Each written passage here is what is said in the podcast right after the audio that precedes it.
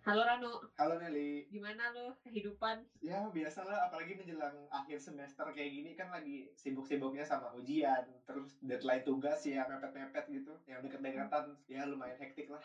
Biasalah. Oh, Kalau Nelly bersemangat ya. gimana? Nah, Iya. kebetulan kemarin gue baru submit revisi Ran, jadi kemarin kan gue udah sidang skripsi, terus Wih, gue asik. revisi, terus udah disubmit, akhirnya. Akhirnya keluar dari universitas itu, Iya. gitu ya. ya lumayan. BTW Nelly kul- kuliah apa sih? Eh, kebetulan aku kuliah jurnalistik Ran. Jarang ya orang yang kuliah Jurnalistik. Tahu aku jarang sih. Mungkin teman aku di SMA ya, yang aku tahu Nelly doang sih. Yang aku baru tahu Nelly doang. Nggak tahu ya teman-teman yang lain. Ini kayaknya menarik sih buat kita bahas hari ini, Nel. Ah, iya ya. Kebetulan ya emang gue kan kuliah jurnalistiknya di Jakarta, jadi bener-bener, eh, bukan di Jakarta sih, di Tangsel, Tangerang Selatan. Jadi Jakarta, lumayan, Jakarta coret kali ya atau? i- iya Jakarta coret. Jadi ya kalau di sana tuh setiap ada acara apa tuh kita tuh bisa langsung ngeliput Ran. Jadi eh, kita nggak cuma kuliah di kampus, kita juga tugas kuliahnya Oh, tuh kuliahnya liputan gitu Ran. heeh. seru banget dong bisa sambil jalan-jalan gitu loh. Nggak kayak kuliah biasa kan kayak cuma di kelas doang atau ya bosan lah pasti di di sekitaran situ-situ doang gitu. Sedangkan Nelly itu bisa keluar kampus gitu ya kuliahnya. Bisa iya sambil iya jalan-jalan gitu.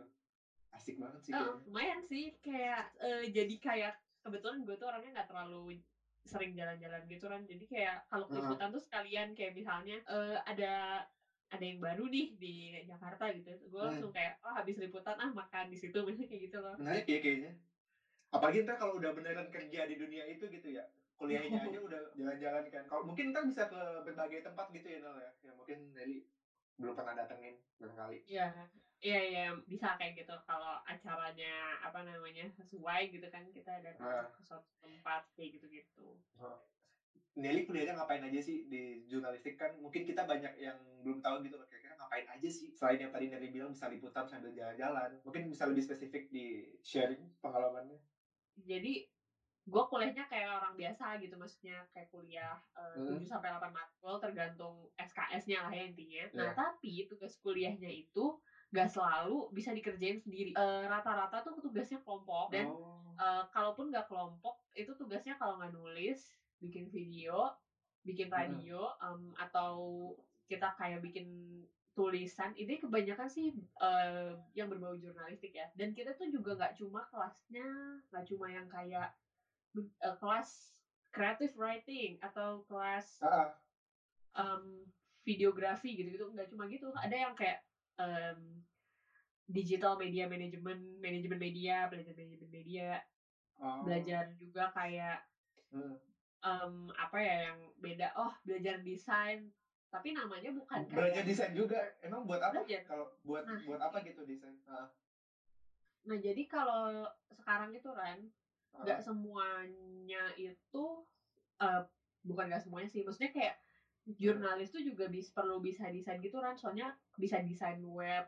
Nah kita belajar itu juga kayak coding oh. coding juga kan. Jadi kayak oh. belajar coding web ah belajar juga desain untuk webnya itu sendiri. Jadi kalau misalnya kita mau bikin web itu tuh kita liputan sekaligus bikin web-webnya juga. Jadi kayak tugasnya tuh kayak gitu kan wow.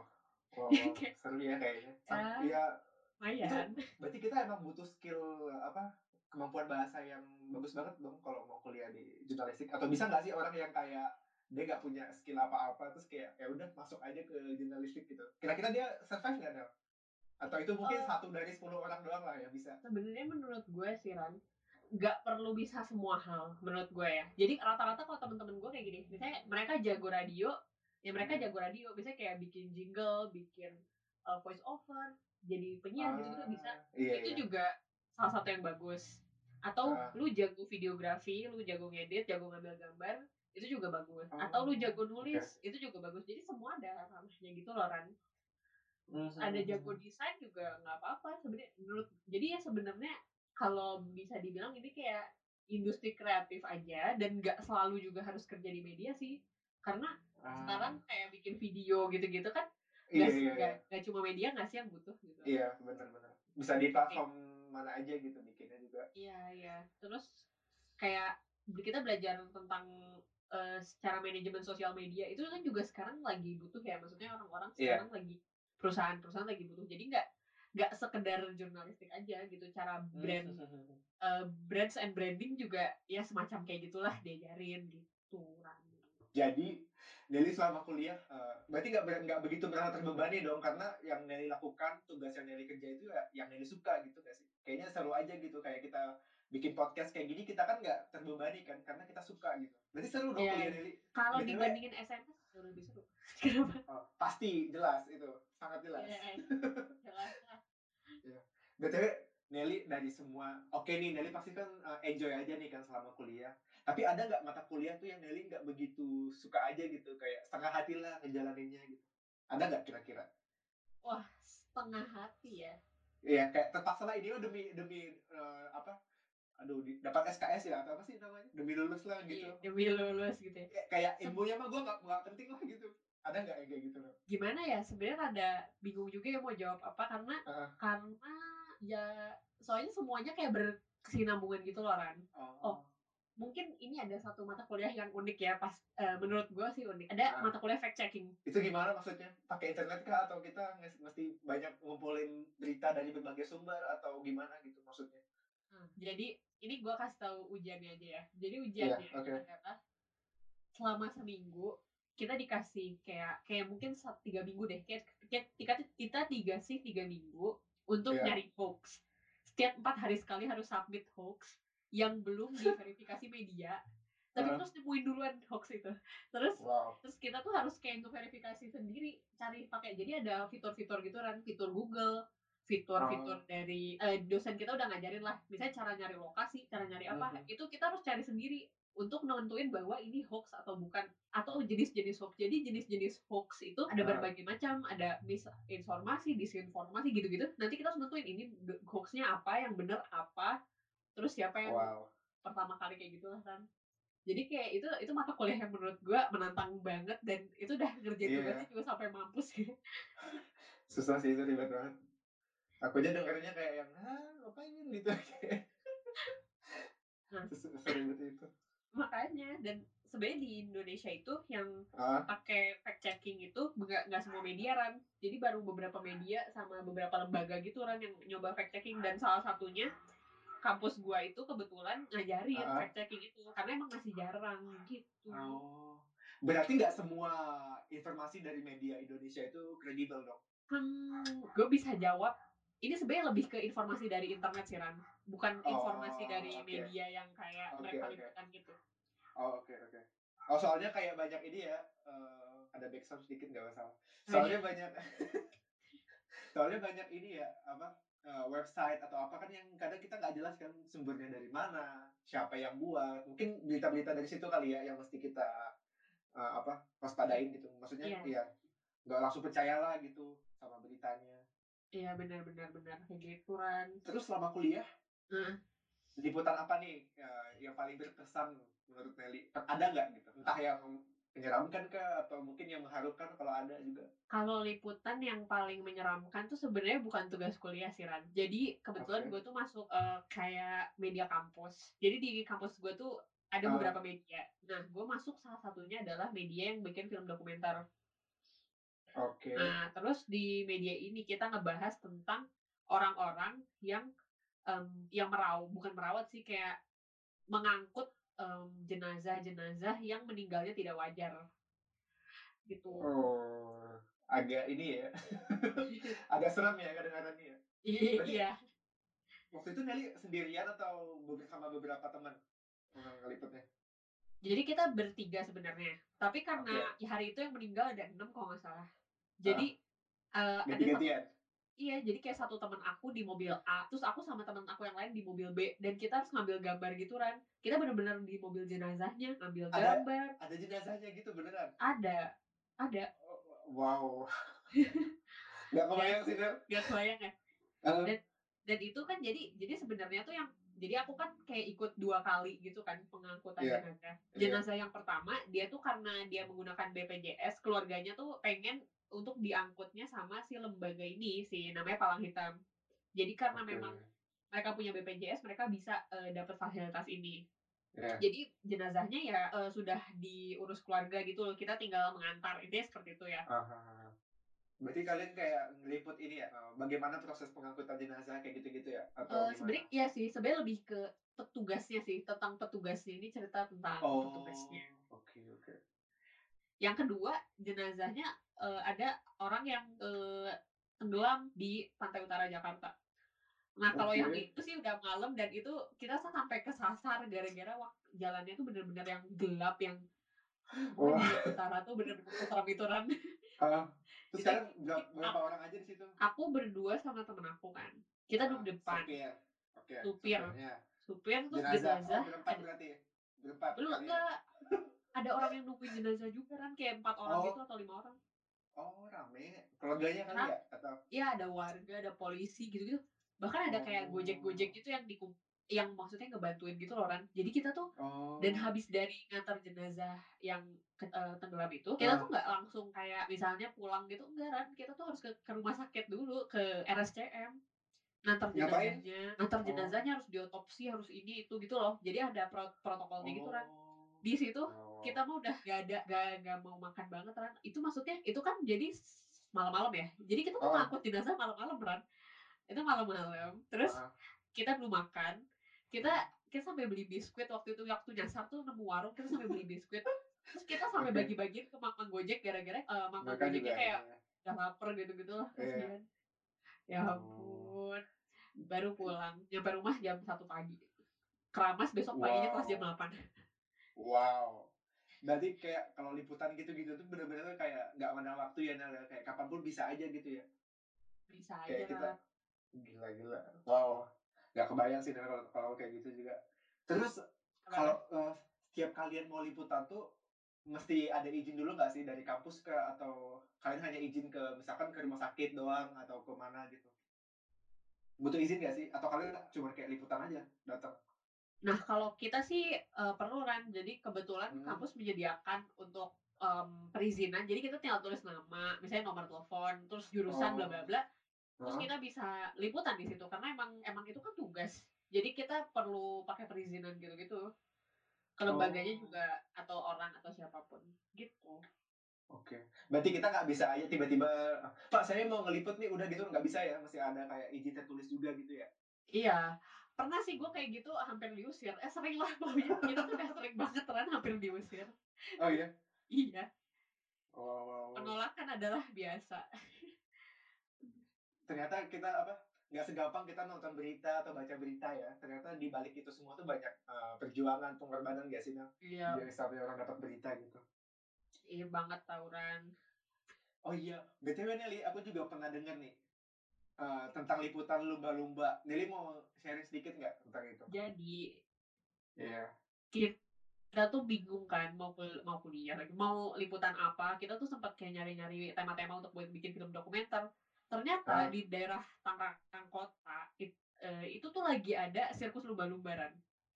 Dan sirkus oke. lumba-lumba itu sebenarnya dilarang gitu loh, sebenarnya Iya, dilarang, tapi karena nggak tahu ya, mungkin di daerah situ masih ada demand, masih ada orang yang nonton, ada. Terus akhirnya kita nekat aja datang, datang terus kayak aku tanya salah satu kru mereka minta nomor telepon yang, pemu yang punya sirkus iya. lumba-lumba, terus dikasih dan akhirnya dapat izin untuk liputan di situ. Padahal kita sebenarnya emang mau ngeliput itu ya acara sirkusnya gitu dan bener-beneran itu kayak tiap hari aku ke acara sirkus lumba-lumba, ya gratis sih karena liputan kan, cuma tiap hari Ran.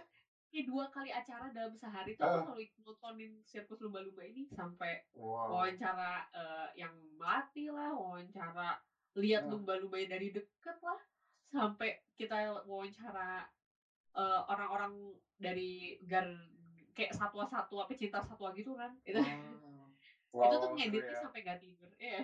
Oh, tapi mereka kayak nggak minta bayaran gitu ya, kalau misalkan kita ngeliput gitu? Mereka nggak minta bayaran ya? Karena tahu kita masih mahasiswa gitu atau gimana? Karena sebenarnya etisnya emang nggak terima bayaran kan, nggak membayar dan nggak Oh. terima bayaran gitu. Oh, oke oke oke. Nelly waktu ngambil liputan lumba-lumba itu, beritanya yang netral atau enggak berpihak ke pecinta satwa? Atau gimana sih waktu itu? Kalau mau sharing dikit. Mmm, jadi gini, kalau emang emang beri bikin berita itu Heeh, harus netral netral? gitu loh. Tapi bukan netral sih, sebenarnya independen. Jadi kayak eh, independen Oke. netral ya? Gue kok jadi jadi lupa mata kuliah ini. Jadi intinya gitu. Heeh, Jadi kayak lu boleh milih side, lu mau milih yang mana, tapi lu nggak boleh milih side karena lu ada, eee, kong kali kong gitu loh, Ran. Oh, oke oke, Jadi ngerti emang ngerti. lu milih side karena emang lu memilih itu gitu, Kalau bukan kita mau mau memilih side juga mungkin harus yang ini ya, berpihak ke masyarakat banyak kali ya? Atau gimana? iya, Biar oke. macam kayak gitulah intinya. Oh, oke oke, ngerti ngerti. Makanya di media-media, mmm, di Amerika kan juga ada kan yang partainya partai tertentu gitu kan, ya sebenarnya itu nggak Iya. ada masalahnya sih Ran, cuman emang nggak boleh karena kong kali kong yang kayak kayak gitulah, yang kotor gitu loh. Itu sih sebenarnya. Meskipun praktiknya tetap ada aja ya pasti ya, di mana-mana kayak gituan. i iya bener bener, kayak kayak Mmm. gitulah. Bicara soal liputan lagi nih, yang namanya selama Nelly kuliah pasti pernah dong ngeliput kayak, eee, demonstrasi gitu-gituan yang mungkin kayak agak-agak, apa ya, bikin deg-degan lah kali pada saat ngeliput. Pernah nggak sih Nel punya pengalaman kayak gitu juga? Nah, ini aku mau kasih tahu sedikit ya, Iya. sebenarnya ngeliput demo itu nggak serem, tapi selama nggak anarkis. Jadi kalau Ah, oke. misalnya demonya cuma orang jalan bawa baliho gitu-gitu ya, itu mah Ah, ya anggap aja orang berkumpul lah gitu maksudnya. oke. Iya iya. Tapi kalau misalnya udah mulai kayak bakar ban, Heeh, lempar batu segede batako yang kayak gitu, nah itu iya. nih. Soalnya itu kan kayak ini nggak sih, bahaya juga ya buat, apa, wartawan juga kadang aku ngelihat kayak, aduh, gimana gitu wartawannya kalau lagi ngelipet kayak gituan. Suka kepikiran kadang tuh, Nel. Iya iya, emang tapi emang, mmm, terjadi banget sih. Jadi waktu itu kebetulan aku lagi magang kan. Aku Iya sebenarnya aku nggak ada di situasi itu ya, tapi aku diceritain iya teman-teman aku yang, eee, reporter. iya. Jadi mereka itu, mmm, ada di dalam gedung DPR. Terus waktu itu kebetulan ada banyak pendemo yang, eee, mau masuk gedung DPR, intinya semacam itulah ya ceritanya. Iya Ter iya. terus mereka ngelempar kayak botol botol itu loh, botol kaca yang UC1000 tau nggak? Botol kaca Iya tahu. UC1000, batako, terus Wow. si terus kan harus kan ada gas air mata ya gara-gara orang-orang, Iya iya eee, lagi demo gitu ya. iya. Orang mereka tuh ya si yang demo yang yang jurnalis di dalam, udah sampai Heeh. nggak takut kan, sampai kayak udah pasrah. Kayak gas air mata, ya udah dikipas-kipas aja depan muka, terus diem lagi. Waduh. Kayak udah saking takutnya, mereka tuh sampai bawa helm, tau nggak helm buat naik motor gitu, buat biar Iya iya, kepala. kepala ya? Aduh. Wow. Nelly pernah dengar juga nggak sih pengalaman dari, apa, teman Nelly mungkin yang udah jadi wartawan atau reporter, kalau bicara soal berita, itu mereka bisa milih nggak sih berita berita apa yang gue pengen liput gitu? Misalkan dari, eee, apa, atasan atau dari perusahaannya bilang kayak, "Tolong dong liput berita tentang ini," gitu. Bisa nggak sih kita kayak, "Aduh takut nih," gitu, mengancam nyawa ba barangkali atau mau nggak mau gue harus ngeliput gitu. Mengancam nyawanya maksudnya kayak demo tadi, Ran? Iya sejenis kayak gitulah. Oh. Kan kayak agak ini kan, lu kita nggak tahu apa yang bisa terjadi gitu. Tapi karena kita nggak bisa memilih tadi berita apa yang kita bisa liput, ya udah mau nggak mau gitu. Apa apakah itu kayak gitu gitu atau kita bisa milih aja kita nggak bisa kita nggak mau gitu? Rata-rata ya, kita-kita tuh udah pasrah gitu loh, Ran. Jadi kalau misalnya emang kita Oh, masuknya media yang heeh. yang militan ya, maksudnya yang mereka benar-benar liput tergantung topik kan, maksudnya ada Iya media-media yang kayak, iya eee, mereka bahasnya topik-topik, eee, seputar misalnya science gitu kan, berarti kan nggak ke nggak ke tempat yang kayak gitu dong, kayak gitu. Iya sebenarnya iya. tergantung medianya, jadi emang udah Oh, resiko dan paling media menyediakan yang kayak misalnya butuh helm, ya dikasih helm, ah, oke butuh apa, ya dikasih apa, butuh odol, Wow, kayak gitu. iya iya. Eh, yang ini ya, udah ya udah gitu mau gimana lagi ya, mau nggak mau Iya sih, gitu. iya. Wow wow, menarik ya. Makanya heeh, makanya wak misalnya kayak ada waktu itu kebetulan Pak Habibie meninggal kan, Iya, eee, terus ada temen aku yang kayak dari subuh ya udah udah stay di di sana, di tempat itu, di tempat, wow, eee, mau acara. Mereka iya, bener-bener yang kayak udah nggak bisa pindah gitu loh Ran, kalau udah berdiri di situ, berdiri di situ. Jadi emang udah kayak pasrah aja udah, yang penting soalnya ada moto gini Ran, "Tidak ada heeh. gambar, tidak ada berita." Wow, Jadi kayak oke. ya udah udah gitu deh. Berarti kayak bisa dibilang, eee, apa, nggak kecil juga ya, maksud kontribusi atau perjuangan wartawan di balik berita-berita yang ada selama ini gitu. Mereka mungkin banyak ngorbanin waktu sama keluarga atau enggak bahkan keselamatan mereka sendiri gitu ya, Nel, ya. Ya kadang Iya, kita sebagai, apa ya, penikmat berita gitu bisa dibilang atau pembaca berita, nggak mikir sampai ke sana gitu loh, sebesar Iya, itu gitu, effort-nya. Terus tadi Nelly juga pernah ada apa singgung sedikit mengenai film dokumenter nih. Ada ini gak sih? Ada pengalaman juga gak sih kayak gimana sih proses pembuatan film dokumenter gitu?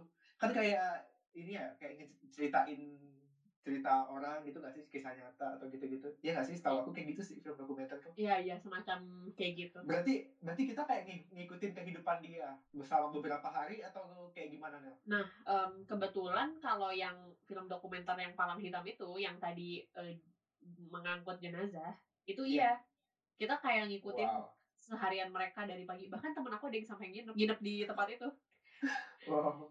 Karena emang Wah. kita nyari waktu yang misalnya mereka subuh-subuh nih, mmm, ke tempat, eee, mengangkut jenazah gitu ya, ya mau nggak Mmm. mau kan berarti kita harus stay di 24 jam dong, soalnya mereka nunggu telepon, kayak gitu, Ran. Oh, berarti pekerjaan kayak gini tuh nggak cocok ya buat orang yang introvert atau pemalu kayaknya, Nel?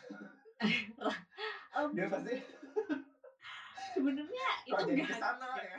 kok itu sebenarnya rada nggak ngaruh, sebe enggak enggak, itu ya udah mau nggak mau kali ya, kalau misalkan juga tapi aku mah nggak bisa, Nel, jujur aja kalau misalkan aku kayak gitu, aku pasti kayak, "Aduh nggak bisa nih nginep tempat orang nih." Meskipun mungkin itu udah tuntutan pekerjaan ya istilahnya. Mhm mhm. Nggak bisa sih. Nggak Itu kebayang aku pokoknya.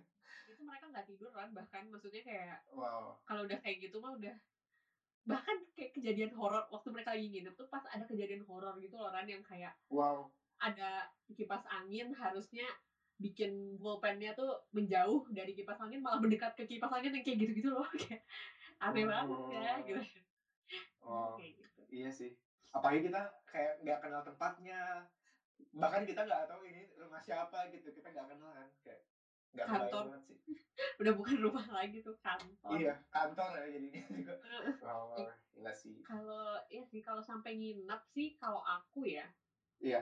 sebenarnya belum pernah, cuman kalau liputan misalnya sampai ke Bogor, sampai ke Bandung, Ah. itu pernah gitu. Jadi kayak kita nggak liputan di Jakarta, kita liputannya sampai Bogor, sampai Bandung, kayak gitu. Tapi kalau misalkan kalian liputan yang jauh-jauh gitu, semua atas ongkos sendiri atau gimana, Nel? Pasti ya? Ten tentu saja. Iya, tentu saja, Wow, kayak tentu saja saya tidak tidak, eee, apa, membayangkan sejauh itu. Iya, Ran. Kecuali kita mungkin kalau udah kerja di media gitu kali ya, mungkin baru ada kayak ongkosnya lah ya, ongkos jalan kali kayak gitu. Kalau masih kuliah mah kayaknya semua ongkos sendiri ya, Nel, ya? belum tentu juga, Ranu. Ya Oh ad oh ya iya? tergantung perusahaannya nggak sih? Itu mah Oh iya tergantung, sih, Ran. bener sih. Nelly kalau nggak salah juga ada magang nggak sih setelah itu setelah selesai kuliah atau selama kuliah? Selama masih Eee, kuliah? masih kuliah waktu itu. Dan tapi kan Nelly selama kuliah itu juga udah banyak praktiknya nggak sih? Heeh, udah lumayan Terus sih. terus bedanya sama magang apa? Kalau magang mungkin langsung di media atau apa? Eee, iya, Ran, jadi kalau gua kan bisa dibilang biasanya tuh kan yang nilai dosen dan Iya, lain-lain. iya. Magang itu fungsinya biar kita tuh tahu, eee, kerja media tuh kayak gimana, eee, terus kayak Oh. lu kerja dengan orang yang kayak gimana, yang kayak gitu loh, Ran. Oh jadi ini tuh lebih kayak ini ya, eee, apa, gimana entar dunia kerja kita tuh yang sebenarnya kayak gimana sih, ngasih bayangan lah gitu ya? Bener bener bener. Oh, oke. Nah, kebetulan juga waktu gua magang tuh emang kita tuh sambil kuliah juga, kuliah seminar proposal itu yang buat skripsi, eee, persiapan Heeh. skripsi gitu. Jadi kayak Senin sampai Kamis eh, Senin sampai Kamis, Senin sampai Rabu gua magang, Kamis gua kuliah, Jumat, Sabtu gua, eee, magang lagi. Jadi libur gua hari Minggu, deh udah Wow. Terus terus gua kebetulan waktu itu gua juga, apa ya, asisten lab gitu loh, Ran. Jadi kayak jadi lab? bimbing asisten laboratorium Iya, lab statistik apa? Oh, lab. Jadi oke kalau oke. di di kampus iya, jadi kayak ada asisten lab gitu, Ran, kalau di, Oh, eee, apa namanya, di kuliah kuliah di soalnya sini gitu. soalnya Nil bayangan aku tuh kalau udah dengar lab tuh ya lab, eee, kimia, lab fisika gitu loh. Nggak tahu aku ada lab lab apa tadi namanya, lab, Statistik, statistik ya? iya. Soalnya nggak pernah dengar gitu kan, makanya kaget, Oh, iya. "Ada lab?" gitu. Di ih, kalau di tempat gue ada lab radio, Ran, lab radio, lab Wow lab studio, kayak studio fil film wow. gitu loh, yang kayak gitu-gitulah. Seru ya kayaknya.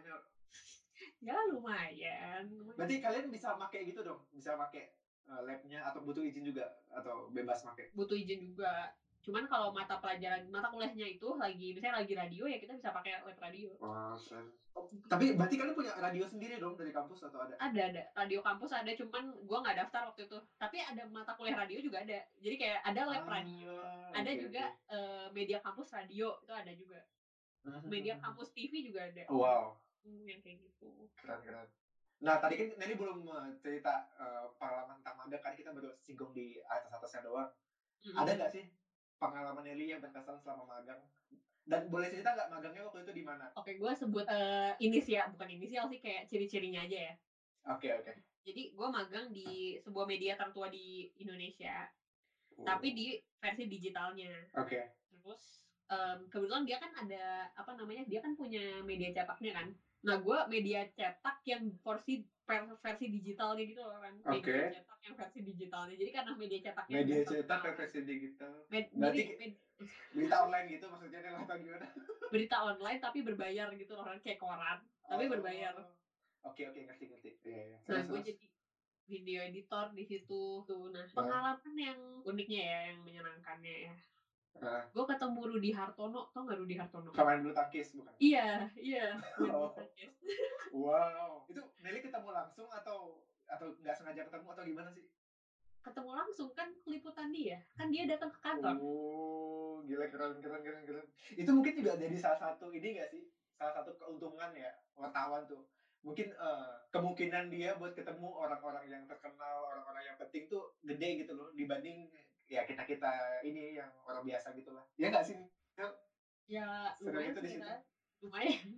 Karena tiap kali ada film mereka promosikan ke media. Nah, mereka tuh Iya. datang, Ran, semua cast-cast-nya. Wah, gila sih, Nel.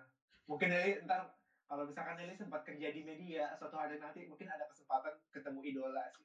Amin amin.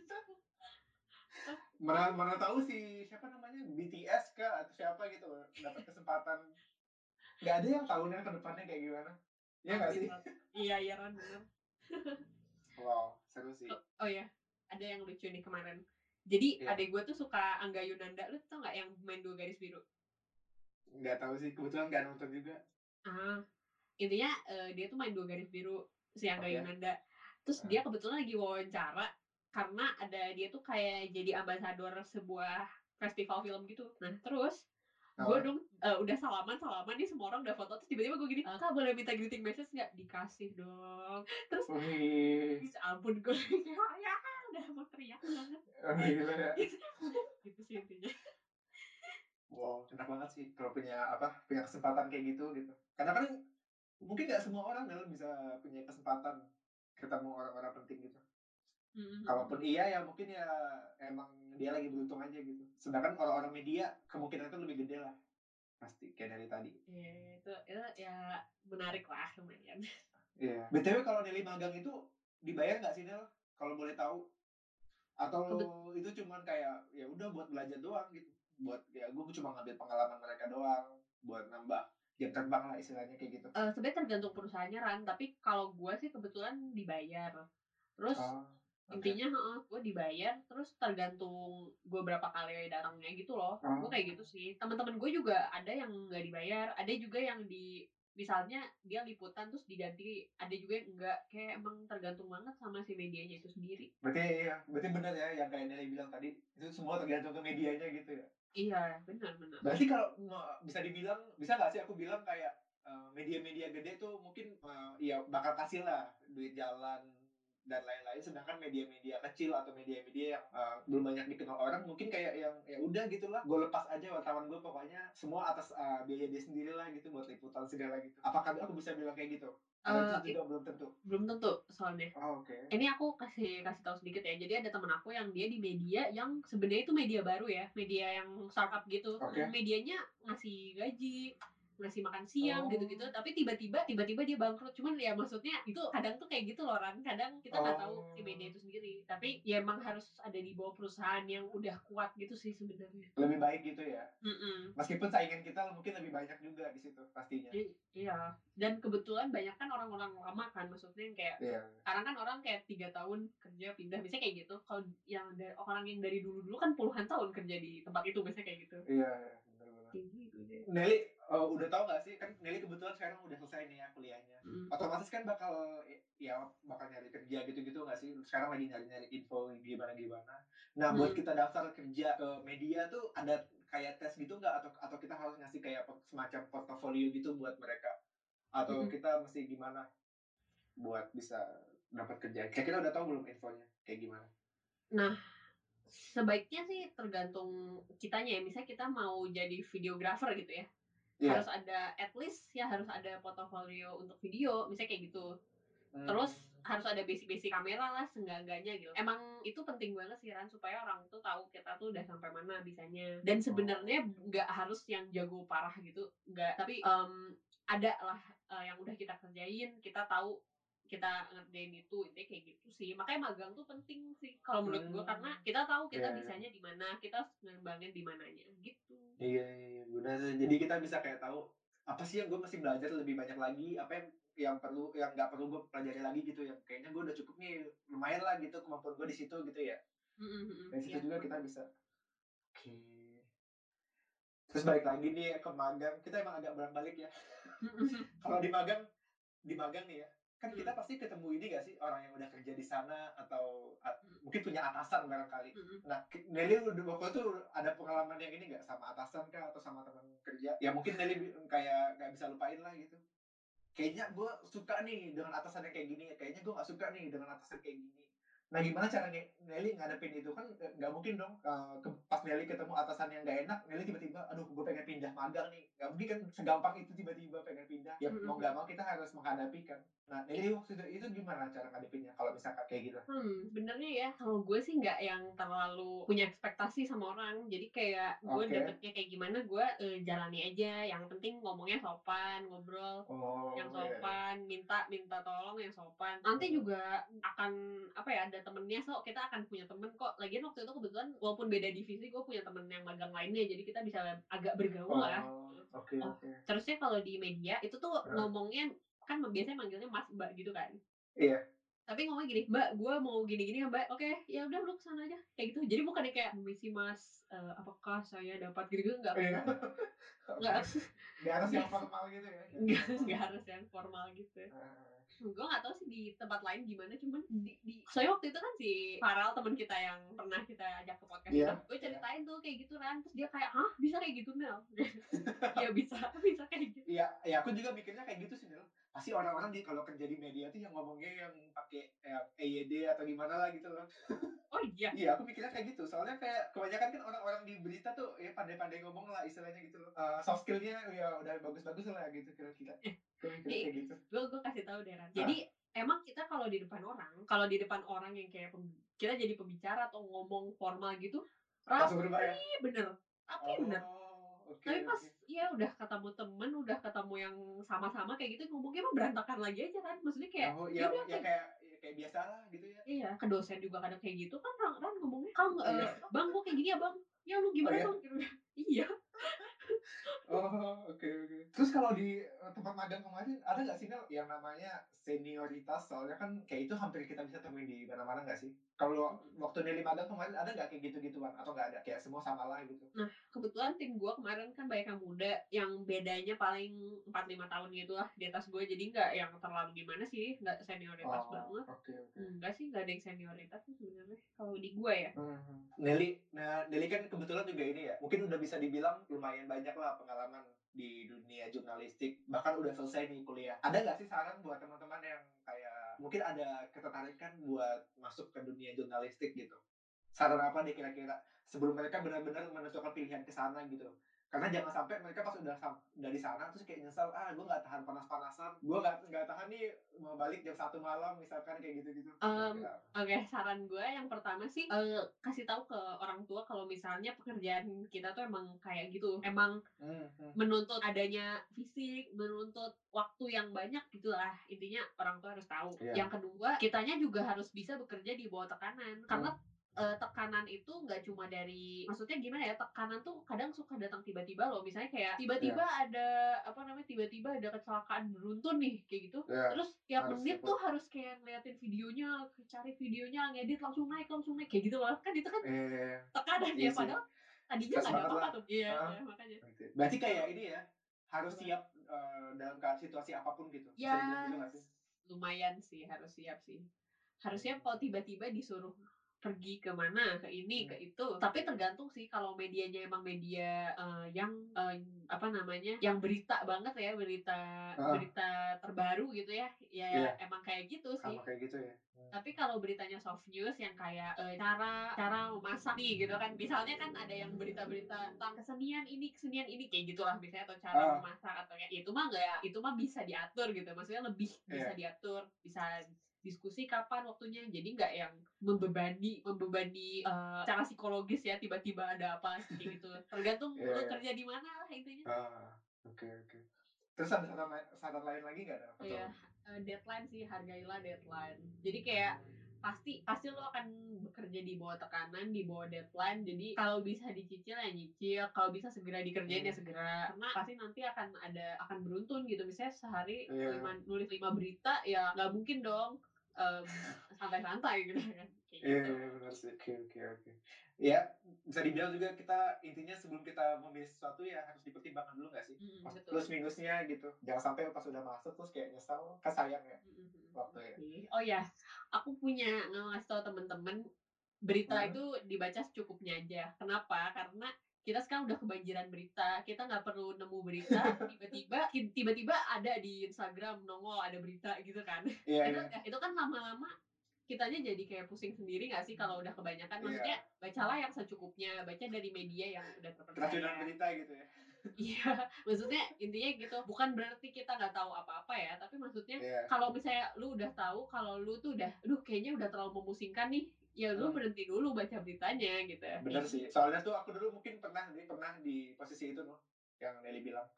Kayak kan kayak kita baru-baru ini ada berita yang hangat kan tentang pokoknya wabah lah satu.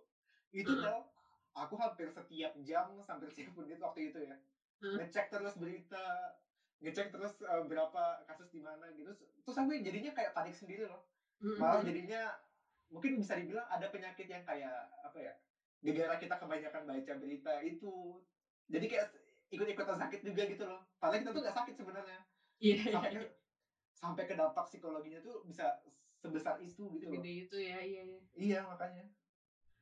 Mak makanya, mmm, dan oh ya dan satu lagi, kalau Mhm. anak di bawah 12 tahun ya, maksudnya masih SD Iya. Itu sebaiknya sih nggak usah nonton berita, Oh iya kenapa? Itu ya gini ya, kalau misalnya beri kadang tuh berita tuh, mmm, bisa aja hal-hal tertentu misalnya kayak pembunuhan gitu kan, itu kayak kurang baik nggak sih Oh. untuk Iya ditonton iya iya. anak-anak. Soalnya gue sendiri pernah mengalami Ran, gue tuh takut dulu gara-gara ada salah satu penyanyi yang meninggal, terus meninggalnya tuh di Dibunuh. ditontonin gitu loh, eee, jenazahnya, ditontonin bener-bener Oh. yang kayak ada gambarnya gitu loh. Dan iya. Waktu gue SD dan itu serem banget, gue sampai masih takut loh sampai sekarang. Ya maksudnya bukan sampai Oke. sekarang juga sih, gue masih takut gitu kalau Kebayang-bayang gitu keingetan. ya? Iya, padahal kan itu berita ya, Iya maksudnya iya. itu seharusnya ngasih informasi gitu. Nah di situ sih, gue gue jadi kayak Mmm. ngewanti-wanti orang-orang kalau anak-anak ya sebaiknya jangan. Kalaupun mau baca berita ya mungkin, eee, SMP itu baca yang seperlunya kayak misalnya berita-berita yang buat anak SMP gitu loh, jangan baca Iya, berita orang dewasa, gitu. bener sih. Atau enggak ya atas bimbingan orang orang yang lebih tua lah kalau Iya kalaupun iya, mau itu. benar benar benar benar benar. Jadi sekian dulu podcast hari ini. Sampai jumpa minggu depan. Ciao. Ciao.